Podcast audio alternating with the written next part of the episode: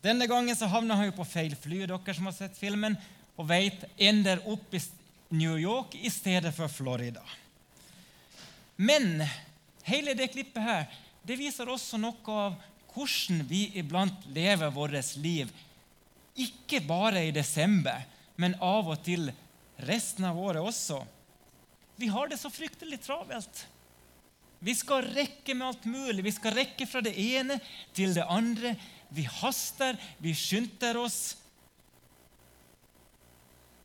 Iblant fordi at vi tror at andre forventer det, iblant for at vi forventer det av oss sjøl.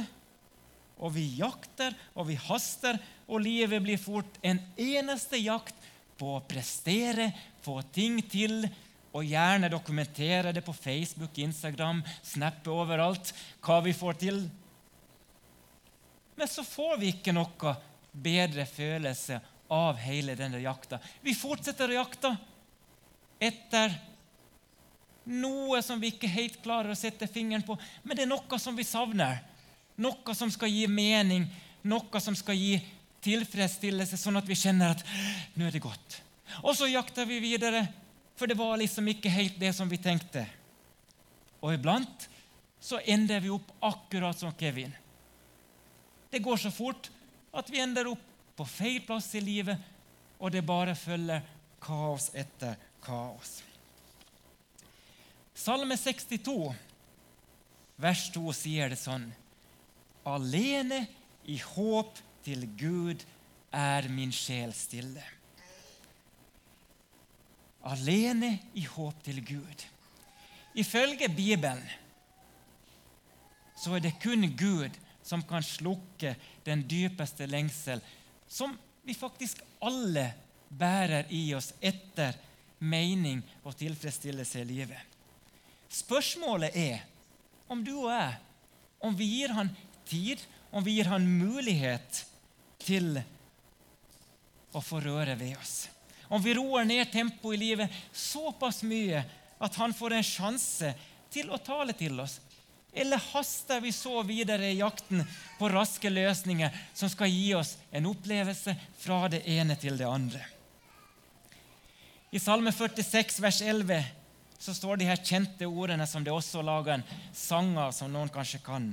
Fall til ro og kjenn at jeg er Herre, sier Gud en oppfordring til å stoppe opp, senke skuldrene og la Gud få fylle deg med sin fred.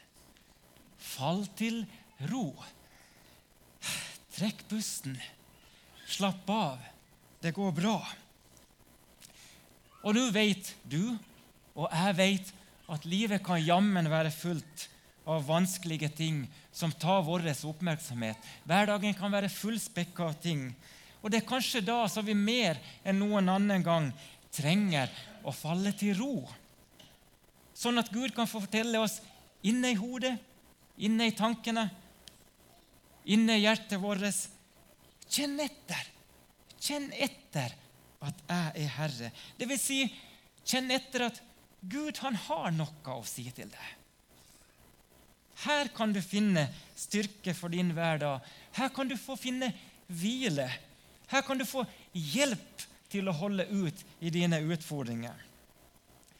Apostelen Peter han skriver i, i sitt første brev, og kapittel 5, vers 7.: Kast alle deres bekymringer på ham, for han har omsorg for dere.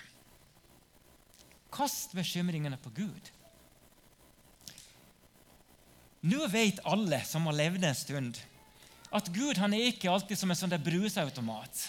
Du liksom setter inn en bønn, og så forsvinner alle bekymringene med en gang. Men tusener på tusener kan fortelle om erfaringen av hvordan Gud har gitt dem kraft og hjelp til å fortsette vandringen når de har kommet til Gud med alt som er tungt.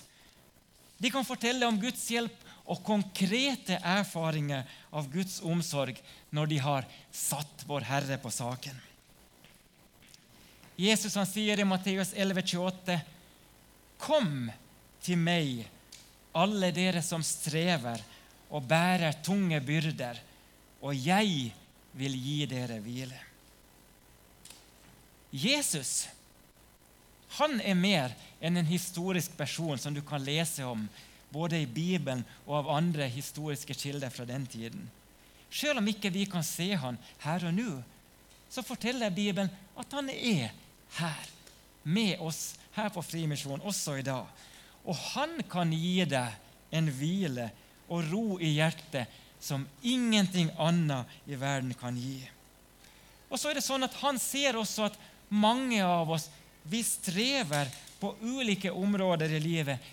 Enn hvordan vi prøver å pynte på fasaden, enn hvor mye vi prøver å skjule det. Så vet han om det som du og jeg synes er tungt i livet. Han vet om det som kanskje du ikke har fortalt noen. Han ser det, og han bryr seg. Og han både vil og kan hjelpe. Han er faktisk oppriktig interessert i at du skal få oppleve fred og ro i ditt indre. Og Det er derfor som han sier, 'Kom, kom til meg', sier han. 'Her kan du få hvile'. Og alt det her vi har lest, alt dette som Bibelen oppfordres til, og Jesus sier til oss, det syns jo jeg høres det høres jo veldig bra ut. Gjør det ikke det? Ja, kom til meg, skal du få hvile. Fall til ro. Men så vet også jeg, sånn som sikkert du òg, at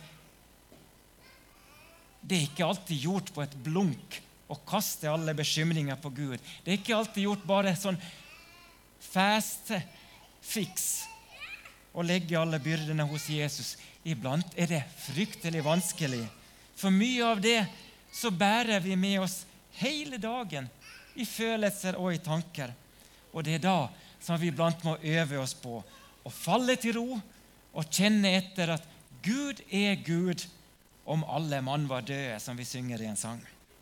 Å falle til ro, om det er så gjennom å lytte til gode, gamle salmer eller lovsanger når jeg sitter i bilen og kjører, om det er å gå alene på fjellet og snakke til Gud, om det er sette deg ved peisen og bla litt i Bibelen. Og plutselig, uten at vi helt kan forklare det, uten at vi kan si 'Hva var det som skjedde?' så kan vi få erfare det som Filippa brevet 4, 7 snakker om. Og det har jeg glemt å få opp der. Der står det Og Guds fred, som overgår all forstand, skal bevare deres hjerter og deres tanker i Kristus Jesus. Guds fred, som overgår all forstand. Altså Det er noe som vi ikke kan tenke oss til eller liksom forklare og si at sånn og sånn er det. Vi kan bare plutselig erfare og, og oppleve det. En himmelsk fred som ikke er avhengig av vår situasjon her på jorden. Jeg har kun én gang i mitt liv vært på besøk i en flyktningleir. Og de troende der, de eide denne freden den varmen, den godheten og den tryggheten som de utstrålte mot oss som bare var på besøk innom der en gang, for så å gå tilbake til den tryggheten som er i vår verden, mens de ble igjen i sin uvisse framtid der.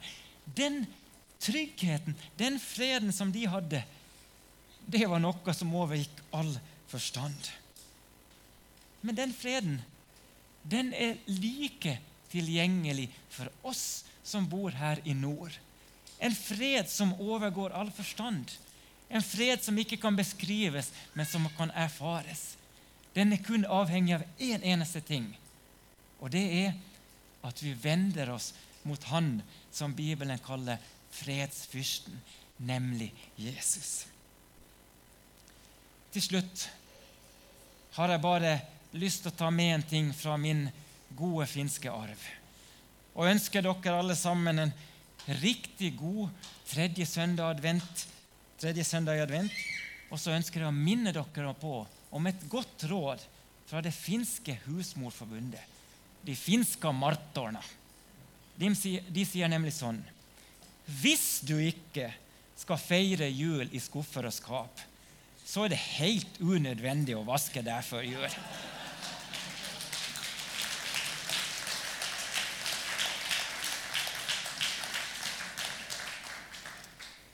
har jeg lyst å be og velsigne dere. Takk, Gud, for at hos deg så finnes det fred å få. Og jeg ber spesielt nå for hver enkelt som er her, om at alle skal få erfare denne freden som du har å gi.